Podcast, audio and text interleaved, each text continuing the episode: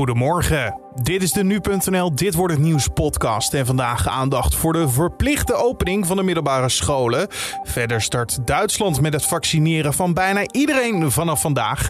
En op Schiphol start de zaak tegen vier verdachten voor het neerhalen van vlucht MH17 boven Oekraïne. Dat zo, maar eerst kijken we kort naar het belangrijkste nieuws van nu. Mijn naam is Carne van der Brink en het is vandaag maandag 7 juni. Geadopteerden uit het buitenland die op zoek gaan naar hun biologische ouders moeten dat zelf betalen. De Nederlandse overheid geeft geen financiële tegemoetkoming, zo meldt de NOS. Een groep die uit Indonesië is geadopteerd had een schadeclaim ingediend. Zij houden de overheid aansprakelijk voor de misstanden bij adopties uit het buitenland. En dat was ook de conclusie uit een onderzoeksrapport naar de adoptiecultuur. De groep wilde een schadefonds, maar minister Dekker gaat daar niet in mee. Klimaatverandering kost bijna 5000 miljard euro. En dat zijn alleen de kosten voor de rijkste landen, zo schat Oxfam Novib. Volgens hen moeten de G7-landen met ambitieuze plannen komen tegen klimaatverandering. Anders krijgen ze te maken met veel klimaatschade, als een stijgende zeespiegel en door schade aan landbouw.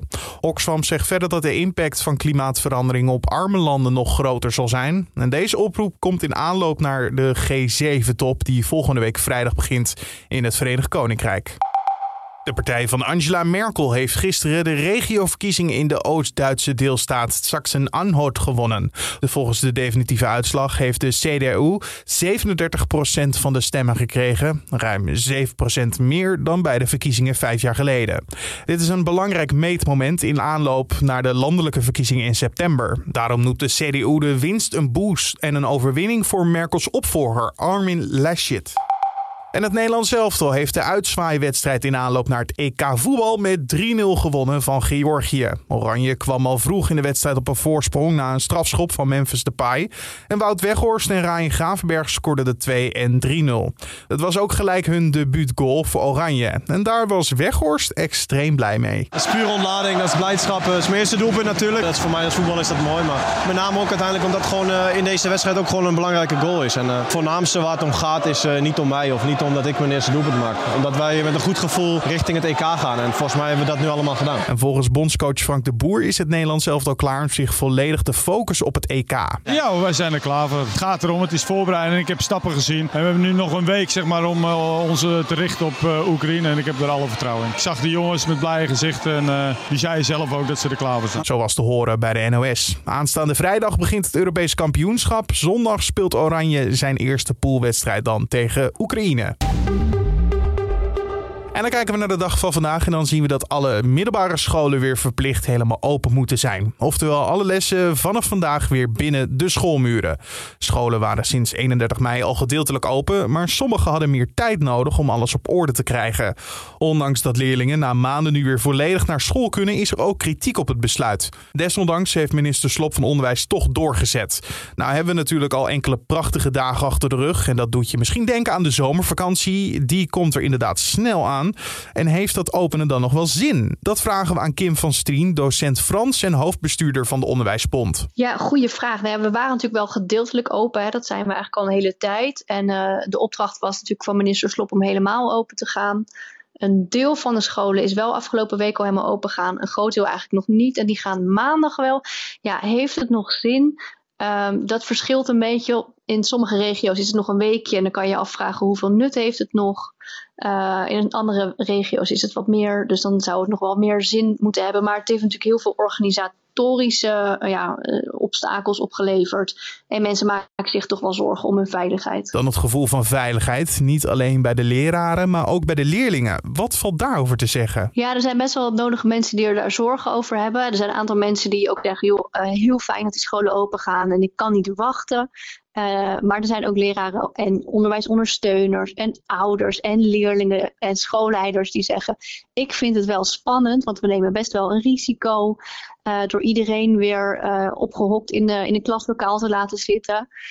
op veel scholen is de ventilatie nog niet helemaal op orde. Nou kan je nu met het mooie weer wel lekker alle ramen openzetten, dus dat scheelt hè, ten opzichte van, van de wintermaanden.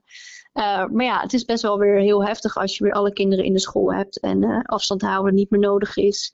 En het zelftesten, ja, daar heb ik wel een hard hoofd in hoor, dat dat gaat gebeuren. Nou, heel veel leerlingen geven al aan dat ze dat absoluut niet gaan doen. En dat zijn, het zijn pubers, dus het is ergens wel weer logisch. Uh, sommige ouders willen dat ook niet. En het belangrijke is ook, we kunnen het helemaal niet controleren of mensen getest hebben. Want dat mag je namelijk niet vragen. Hè? Dat is privacywetgeving.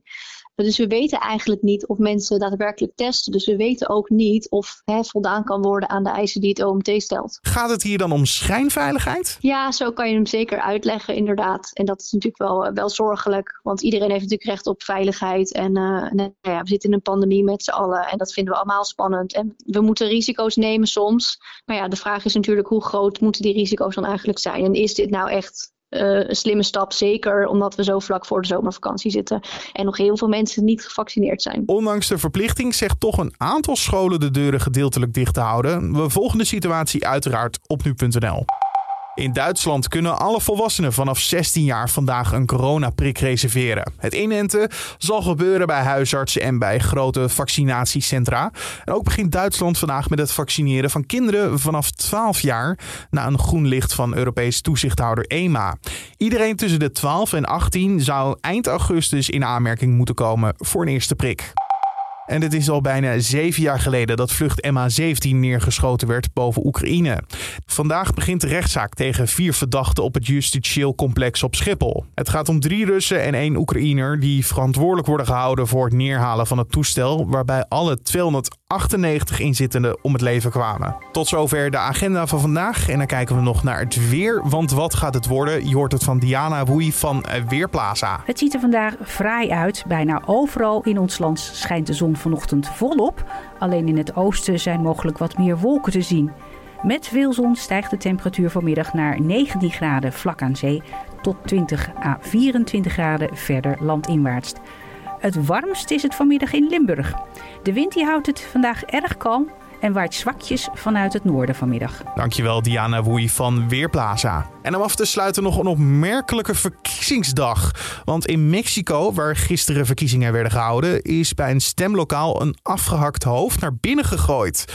Ja, en ook zijn in de buurt plastic tassen gevonden met erin ledematen. De dader zou zijn gevlucht, maar het is nog niet duidelijk of hij uiteindelijk is aangehouden. Ook is niet bekend of de actie te maken had met de verkiezingen, waarvan de afgelopen campagneperiode een van de bloedigste was uit de recentste geschiedenis. Elders in het land werd ook een granaat die niet op scherp stond naar een stembureau gegooid. Heel gezellig daar. En tot zover deze Dit wordt het nieuws podcast voor de maandag 7 juni. Je vindt ons in de ochtend en middag op de voorpagina van nu.nl en in je favoriete podcast app. Uh, je kan ons helpen met feedback door een recensie achter te laten bij Apple Podcast of ons te mailen naar podcast.nu.nl. Mijn naam is Carne van der Brink. Bedankt voor het luisteren en tot de volgende.